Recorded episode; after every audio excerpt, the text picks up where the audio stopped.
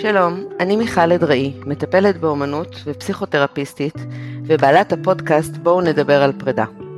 היום אני מראיינת את אבי זעירה, בן כיתה לשעבר וחבר בהווה. אבי איבד את אחיו דדי במלחמת לבנון כשהיינו בני 14. הוא נשוי לסיגל, הם גרים במושב מולדת ולהם שלושה ילדים, טל, ניצן ועמוס.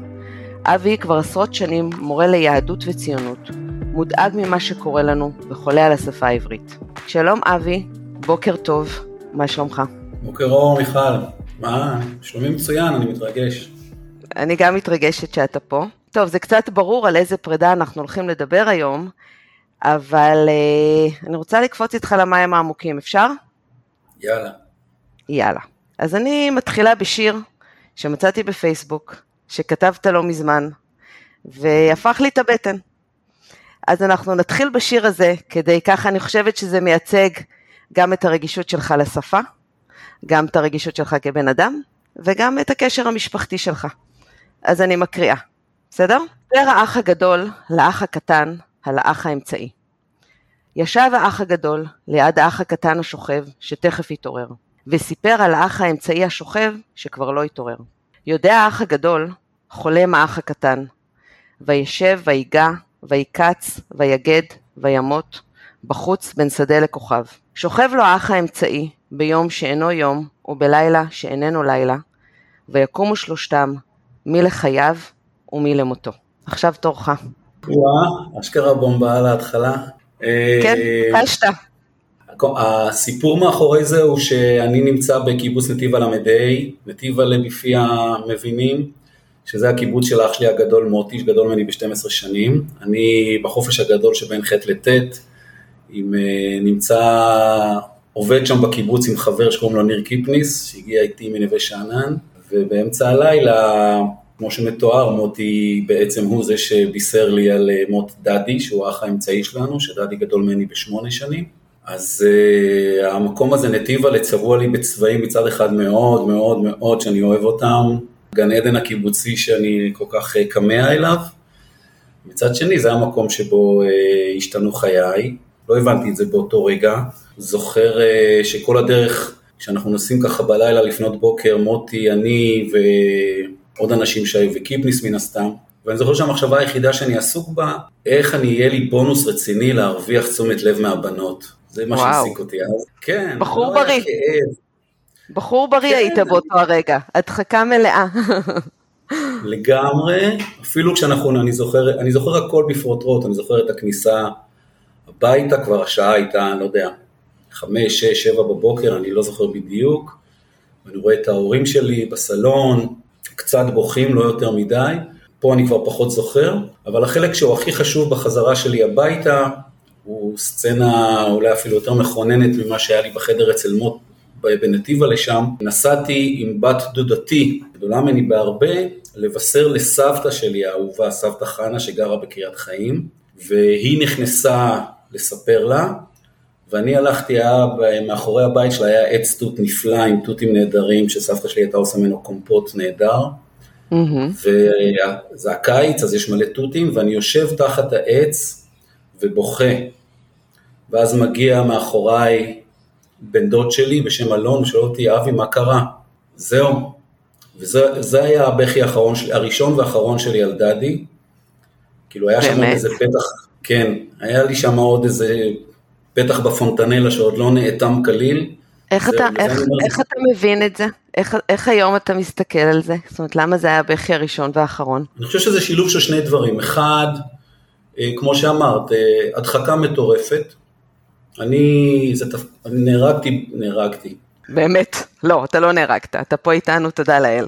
רגע, זה הייתה פליטה פרוידיאנית מדהימה, כי מה שלא, לא, מה שלא הספקתי לשתף על השיר, זה כשאני כותב ששלושתנו קמנו איש, איש מי לחייו ומי למותו, זה אני למותי, כן? זה לא רק דדי. זאת הייתה החוויה. זה בדיעבד, אני, זה סוג של מוות, כן? חלק אה, ממך מת. אני חושבת שאתה מדבר על איזשהו חלק שבאמת מתוך השלם שמת, והוא קיים. זה, זה מישהו שהוא ככה איש מקצוע כמוך שמתבונן מהצד ויודע להמשיג את זה. אני בחוויה שלי מתתי שם. וזה מופיע לי ככה בעוד קצת שירים שכתבתי. אז שאלת אותי, אבל למה? אז אני ממש הייתי צריך לעבור שוב את אותה, אותה מכסת חיים של 14 שנה, אני בגיל 28, זה היה פעם ראשונה שהלכתי לפסיכולוג, כי הסיפור שסיפרתי לעצמי זה שאני פנטסטי. הנה, מת לי אח, אני לא מבין את כל הבוכים האלה בימי הזיכרון, אני סבבה, אני מדבר על הדברים, זה לא שאני איזה מדחיקן. כאילו יש פער אדיר, אדיר בין מה שאני מספר לעצמי לבין מה שקורה לי בפועל. אני אספר קוריוז שכשאני, אה, ההורים שלי לא חתמו לי בצבא להיות קרבי, אז הייתי מש"ק חינוך, mm-hmm. אבל to make story long board, אני אומר שמי שחתם לי, מפקד הנחל, אז הוא אישר רק לטובת השירות הסדיר, אבל במילואים הייתי אמור לחזרה להיות קרבי, והיה מלחמה גדולה שאבא שלי עשה, וכאן ושם, ואז אה, בלית ברירה הפנו אותי ליחידת המרצים של אה, פיקוד צפון, שאני הייתי שם מרצה במשך שנים, ואז היא שאלה אותי, הייתי הנחתה, היא לא ידעה מה לעשות איתי, שתביני, מרצים היו כל מיני סלבים ועיתונאים ופרופסורים, ומגיע הצוצי כזה מנווה שאנן, שואלת אותי על מה, מה אתה טוב, מה אתה יודע, אז אני אומר דבר אחד, אני טוב בביטלס, ואני טוב בשכול. אני יכול ללוות משפחות, אני יכול לעשות הרצאות על איך ל... אה, להתמודד עם אבל. כן, את מבינה עד כמה אידיוט הייתי? זאת אומרת, כי, כי זה הסיפור שאני מספר לעצמי, אני מעולה, אני מתפקד, אני משחק כדורסל, יש לי חטובות. כן, הסיפור הצליח. מה זה הצליח? עד שהתרסקתי בגיל 28 אצל הפסיכולוגית, ומאז נולדתי מחדש בעצם. זאת אומרת, וואו, זה, 14 זה שנים היה חלק מת, ובגיל 28 הוא התעורר, איזה התרגשות, זה, זה נשמע התרגשות מאוד מאוד גדולה, זאת אומרת, זה נשמע גילוי מאוד מאוד גדול, ש, שאם אנחנו קצת מדברים על פרדות בפודקאסט שלי, אתה אומר, אין לזה זמן, אפשר להדחיק גם שנים, אבל בסוף זה יצוץ. אני בכלל מאוד ממליץ על הדחקות, אני חושב שזה מנגנון אדיר, אני באמת חושב שהרווחתי ילדות מאושרת, תוססת, עשירה, אני רק חושב מה היה קורה אם הייתי מבין מה קרה לי בגיל 14, אני לא יודע מה היה יוצא ממני, אני, אני באמת חושב שהיה אינסטינקט מעולה. אגב, זאת סיבה אחת שאני חושב, העניין של ההדחקה. הסיבה השנייה, וזה מאוד קשור לענייני הבכי, שאמרת לך שזה, בכי מאוד מפעיל אותי, אני, אני, אני מאוד רוצה לבכות ולא יודע איך, או מתקשה יותר נכון, תמיד מקנא בכאלה שבוכים, בנות זה לא חוכמה, אבל כשבנים בוכים זה שובר אותי, אני, אני, אני נגנב, כשאני רואה מישהו גבר בוכה, זה הורג אותי. זה מכיוון שהמודלינג שלי בבית היה שאצלנו לא בוכים, זאת אומרת...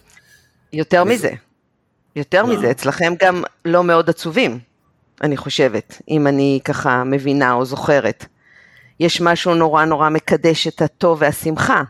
זה, את צודקת חלקית, אני אומר לך מה, מה אני הבנתי מגילתו 28 ואילך, כי אני המשכתי לסדרת טיפולים מאוד ארוכה, כל פעם בהפסקות, אבל עברתי אצל אי אילו מטפלים ומטפלות, בעיקר מטפלות. הכעס הגדול שלי היה להורים, כשאני הבנתי מה קרה, ויש שיחה מכוננת, שלפעמים עד היום אמא שלי מזכירה לי איך אני... אנחנו הולכים, אצלנו תמיד זה עם מסעדה, הולכים למסעדה בזיכרון, ושם עשיתי את מרד הנעורים הראשון שלי ואולי גם האחרון. בגיל 28? כאילו אחרי שהתחלת את הטיפול? כן, 28, 9, 30, איפשהו לא, שם. לא, בסדר. כן, אני ילד טוב ירושלים, מאוד קונפורמי, אני... הכעס הגדול שלי היה עליהם שהיה איזה תעתוע באוויר, לא שקר, אבל היה איזה תעתוע שמצד אחד, וזה נכון מאוד עד היום, דדי לא הפך להיות מקדש. זה לא אותם בתי שכול ש... שמים פוסטרים אדירים ומקפיאים את הזמן עם הבגדים והארון כמו שהוא יצא בפעם האחרונה שהוא היה בבית. דדי הפך להיות חלק מהחיים, גם בדיבור, כל הזמן הזכרנו אותו ודיברנו וצחקנו עליו וצחקנו איתו, זאת אומרת, במובן הזה יש משהו מאוד חי עד היום, משהו שלא הופך את המוות לאיזה משהו כבד וזה וזה וזה. אבל מה לקח לי זמן לזהות, ועל זה היה הכעס שלי, שזה סבבה לדבר על דדי, אבל זה ממש לא סבבה להגיד מה, אני, מה זה עושה לי שדדי מת. אני לא הייתי בשיחות שאני בטוח שהיו בין ההורים שלי, כי הם זוג מדהים, ובינם לבין עצמם אני יודע שהם עשו את זה. ולא היה לי כמו לאחי הגדול למוטי את סמדר, שברור לי שבתוכם הם עשו את הדבר הזה. אני, לא היה לי זוגיות, לא הייתה לי זוגיות, היה לי את ההורים ואת המשפחה, ושמה דיברו על הכל חוץ מאשר על התחושות והרגשות. ו... אז כן ניסו להחזיק איזושהי תמונה, זאת אומרת שזאת קצת הייתה החוויה שלי, שניסו להחזיק תמונה שהכל בסדר. יכול להיות שבחדרי חדרים היה עצב, היה כאב, היה כל מיני תחושות אתה אומר, אבל בחוץ כן היה איזשהו ניסיון כל הזמן להחזיק משהו חי, אה, שמח, אה, טוב. אה, אני חושב שאני מדייק אותך, זה לאו דווקא הדגש על שמח, כאילו זה לא להסתיר את העצב, זה לא כן. לא לדבר על זה, זה לא לדבר על זה.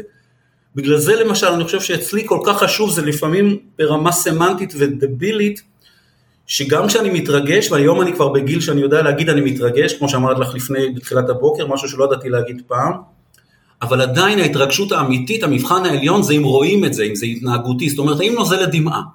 בלי דמעה זה לא ממש. המבחן האמיתי זה אם לאבי תצל דמעה, וזה קורה לצערי במשורה. אז אני יכולה להגיד לך שאתה בן אדם שמעביר המון רגש. אני לא יודעת אם אתה יודע את זה, ואם אני עכשיו מגלה לך משהו חדש, אה, אנחנו גם המון המון שנים לא נפגשנו, ונפגשנו וחידשנו את הקשר לאחרונה, אבל אתה בן אדם שמעביר המון המון רגש. יכול להיות שעדיין החיבור לא לגמרי מלא בין הראש לבין הלב, יש שם איזה כל מיני מעצורים שאנחנו לא ניכנס אליהם כרגע, אבל uh, אתה בהחלט בן אדם שמעביר רגש, ואני רוצה שנייה אחת, אבי, לחזור לשיר הזה. אתה שלחת לי סרטון שהמשפחה שלכם עשתה על דדי, ואני צפיתי בסרטון, וכשקראתי את השיר הזה, הייתה לי את התמונה של שלושתכם שוכבים אחד על השני. שדדי באמצע, אבי, אה, מוטי למטה ואתה למעלה. זו התמונה שעלתה לי. בגלל זה גם נורא הופתעתי שאתה אמרת שהרגשת את המוות שלך, כי בתמונה הזאת יש המון חיות. משהו מאוד חי, משהו מאוד... אה, אה, ובאמת עברה לי המחשבה איך זה לגדול בבית. זה לא שהמוות מאוד חי, זה שדדי לא מת. זאת אומרת, יש פה איזה משהו שהוא כאילו, אני סביב הסרטון הזה אמרתי, רגע, הוא חי או מת? לא הבנתי. אתה מבין מה אני שואלת או מה אני אומרת? כן. קודם כל אני אדייק אותך על משהו שאמרת קודם, שהוא לא נכון, אני, גם, לא רק אני, מוטי וההורים ודדי ואני מאוד חמים ומביעים רגש ומאוד נוגעים ומנשקים, זאת אומרת, העניין הוא לדבר על שכול, לדבר, על לדבר על העצב הגדול. לא על שכול, על הכאב הזה. שכול זה מילה שהיא מנותקת. מה זה שכול? לא, לא, לא, על השכול של דדי. אני אומר, יש אפשר לדבר על הכל, אפשר להרגיש את הכל, המסר שעבר אליי, חוץ מדדי. הסיפור של דדי הוא, צריך להשתיק אותו, להחזיק אותו. לא את הסיפור, אבי, אתה לא משתמש במילה. עצב קוראים לזה. עצב. כן, אבל העצב על דדי. עצב, לא על עצב על דברים אחרים. ברור, אנחנו מדברים על דדי, השיחה שלנו היא היום עליך, על דדי, על המשפחה, ואתה לא, כל הזמן הולך... אמרת קודם כל רגש, אמרת לי, אתה מאוד חם, אתה מאוד... אני אומר, זה ברור, כל, כל שאר הספקטרום של הרגשות אין בעיה, אבל לדבר על העצב ועל הכאב הגדול על דדי, זה דבר שהוא, המסר שעבר אליי, או השדר שהם לא התכוונו, זה שזה לא לגיטימי. אני מאוד מבינה, אני, אני חושב, כנראה שזה היה בלתי נסבל, זה היה בלתי אפשרי. ועשו דרך, אה, יש להם פשוט מעקף. ואתה יום אחד קמת בבוקר ואמרת, לא יכול עם המעקף הזה, אני צריך עוד משהו. לגמרי. לא עוד משהו, אני צריך את זה. זה היה הצורך שלי. הנה, עכשיו אני מתרגש. כן, זה היה הצורך שלך, ומותר להתרגש, וזה בסדר, וקח לך רגע, זה גם בסדר. זה עבר לי בראש ולכן התרגשתי, והשתיקה הקדימה לי את הדיבור, זה ש... שיש אה, כאילו יש את העצב הגדול על דעדי, ויש עצב יותר גדול ממנו לחוות את זה דרך ההורים.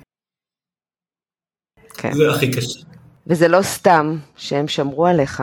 זה לא סתם שהם שמרו עליך שאתה לא תרגיש את העצב הזה. את ההורים שלך אני כן קצת מכירה, והם באמת אנשים מאוד מאוד חמים ואוהבים, והורים נפלאים, דיברנו עליהם, על, ה, על ההורות המיוחדת שלהם, ואני חושבת שהם מאוד מאוד שמרו עליך. ו- ואתה גם אמרת את זה עכשיו. אני היום מבין מה הם עשו. הם שמרו על הילדות שלך. היום אתה יכול להרגיש את זה אפילו כנראה בעוצמות מאוד מאוד גבוהות, ועדיין אה, להיות שם עם ההורים. אבל בתור ילד, את חושבת שגם בתור הילד הצעיר, כן היה לו איזשהו תפקיד במשפחה, אחרי שאח נופל, אחרי השכול, בשכול, לאח הצעיר יש תפקיד. מה התפקיד? להמשיך את החיים, להיות אה, מוצלח לא פחות, אפילו לממש כל מיני פנטזיות, או כל מיני אה, ציפיות שהיו מאח שמעליו. מעניין, איך, איך זה היה לך? אתה זוכר את זה? אני זוכר הכל, הזיכרון שלי, כל משהו שנתיים וצ... ודרומה, אני זוכר מעולה. אבל אם הרגשת שמצפים ממך, או אם הרגשת שיש לך תפקיד, או שבאמת שחררו אותך. לא, לא, לא הרגשתי שאני באיזה תפקיד, לא, ש, לא שההורים גם מינו אותי, אני כאילו, אני יכול להגיד מה אני, מה, מה הייתה האסטרטגיה שלי כשזה, אבל זה לא משהו שבא מההורים. מה הייתה האסטרטגיה שלך? מעניין. תראי, דדי נהרג כשאני בשיא ההערצה שלי אליו. אני הרצתי אותו, לא רק אהבתי אותו. כן. אמ, ואני חושב שבאופן באופן מודע ובעיקר לא מודע, אני פשוט רציתי להיות דדי. עכשיו כל התנאי הפתיחה היו שם, אני הייתי פיזי מאוד, הייתי ספורטאי מעולה, זה דדי. למרות שבמבנה הגוף אנחנו שונים לחלוטין, אני דומה לאימא ודדי דומה לאבא, זאת אומרת נמוך ומוצק, ואני ככה הייתי שרוך הרבה שנים עד שקצת הטאתי עליי רקמה ושריר, אז זה היה לי מאוד קל. גם המסלול, אגב, של שלושתנו, לא רק של דדי, גם מוטי, אני חושב שבמובן הזה אני מאוד הולך בתלם. בדרך, כן. באותה תנועה, באותו מחנה, להדריך וללכת לנחל ולהיות אחר כך מתוך הנחל, לצאת להיות קומונר, זאת אומרת, אני מאוד הולך אחרי, ובעיקר, שוב, עד גיל 28, אני הולך אחרי דדי. זאת אומרת, המחמאה הכי גדולה שמישהו יכול היה לתת לי זה כמה אני מזכיר את דדי, וקיבלתי על זה המון פידבקים, שוב, לא מבחינה פיזית, באופי, כן. בהתפרצות, ביצר, בחום, בכריזמה, כל מיני דברים. וואו, זה עד היום אגב מאוד ממלא אותי. כן. אבל uh, אחד הדברים המעניינים זה שבעקבות אותו טיפול, שהוא באמת בדיעבד פרשת דרכים, Game Changer במי שאני, זה שאני בתהליך די מהיר של בניית אופי, uh, ואפילו לא מודע, תוך כמה שנים מפסיק לחלוטין עם ספורט, מפסיק לחלוטין עם כדורסל, והופך להיות למה שאני מזוהה היום. זאת אומרת, אנשים שמכירים אותי ב-20-30 שנה האחרונות, מבחינתם אבי זה ספר, אבי זה חכם כזה, כן. כזה, מרצה. לא יודע, מרצה, אבי המורה. עכשיו, כל האנשים, אה, מיכל יעקובסון וג'וג'ו, וכל השמות שאנחנו נגיד עכשיו מנווה שאנן, אבי זה חיה, ואבי זה ספורטאי, וכאילו זה הסיפור. כאילו, אני ממש הפכתי להיות מוטי, כי מוטי מההתחלה היה מזוהה עם... אה, בחרת עם בחיים, בחרת בחיים. בחרתי במוטי, כנראה. בחרת בחיים. אני רוצה, אני רוצה להגיד שני דברים. אחד, זה שאני חושבת שלא סתם בחרת להיות דדי, עוד פעם.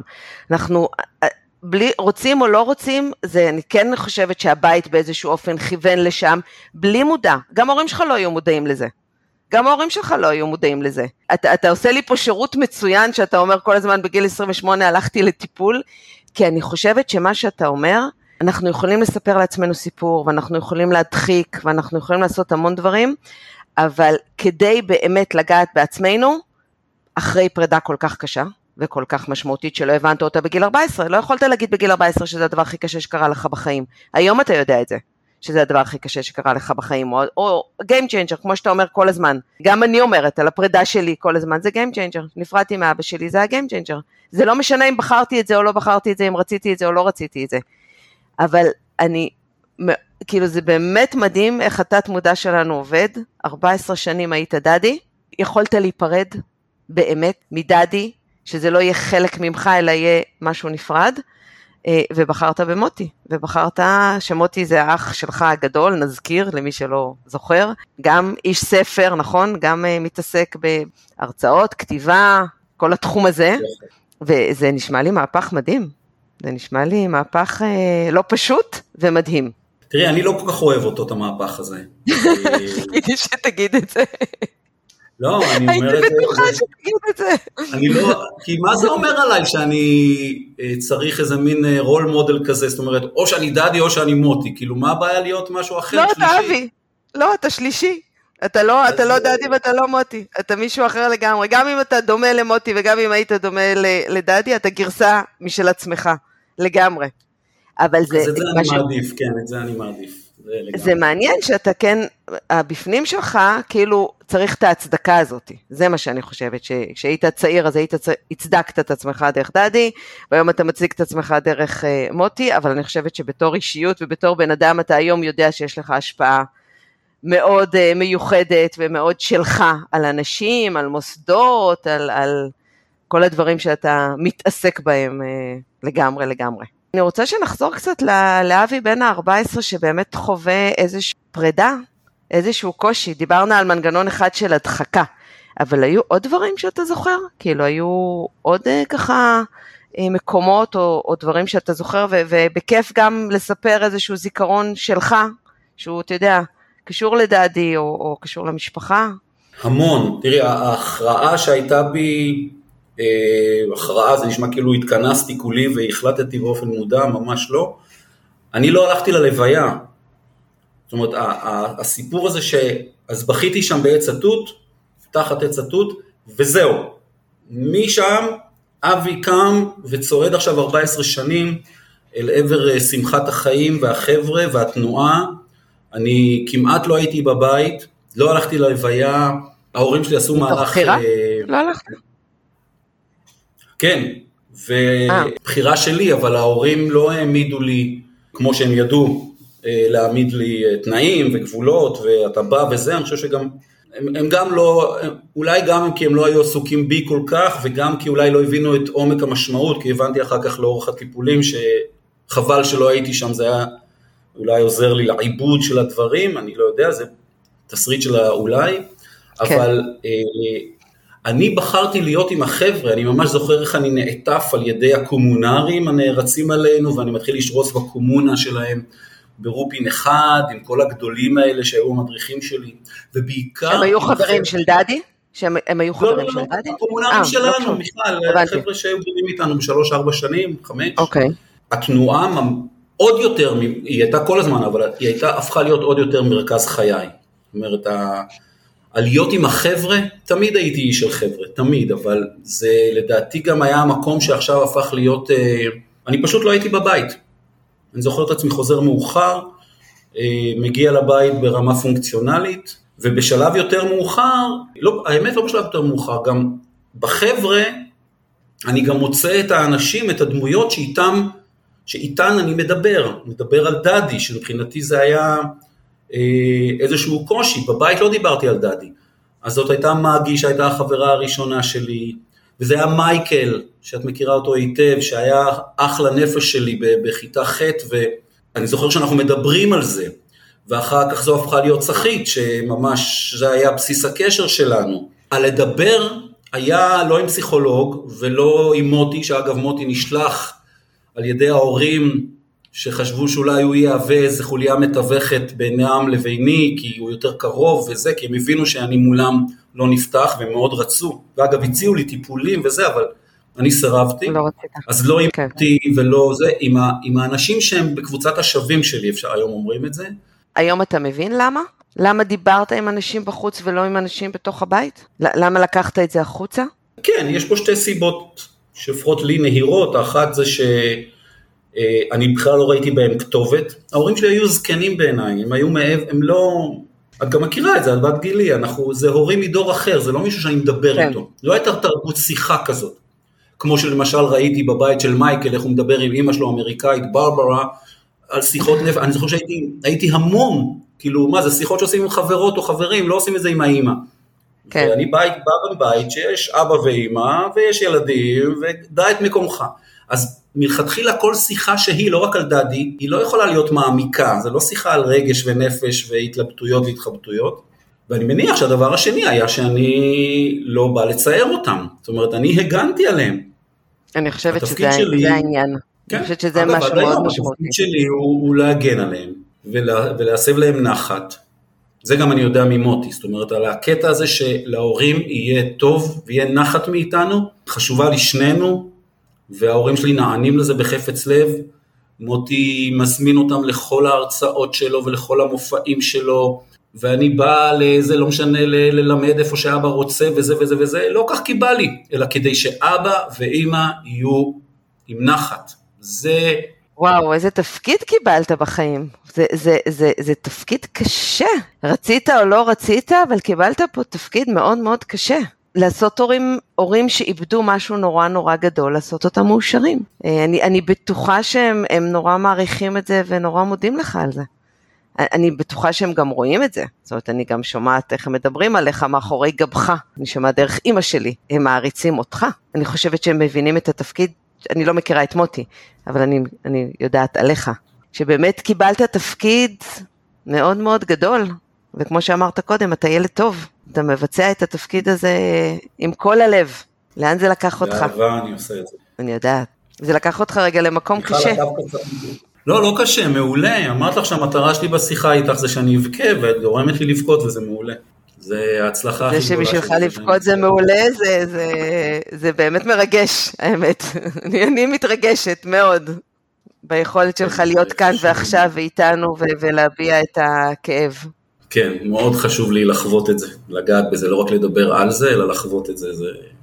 אז באמת, אבי, בוא ככה נגיד כמה מילים על ההורים שלך, שאני יודעת שיש להם משמעות מאוד גדולה בחיים שלך גם היום, ולך יש משמעות גדולה בחיים שלה, שלהם. אני ככה קצת מכירה גם את uh, ציון של יום שנה, כל שנה שמקדישים uh, לדדי.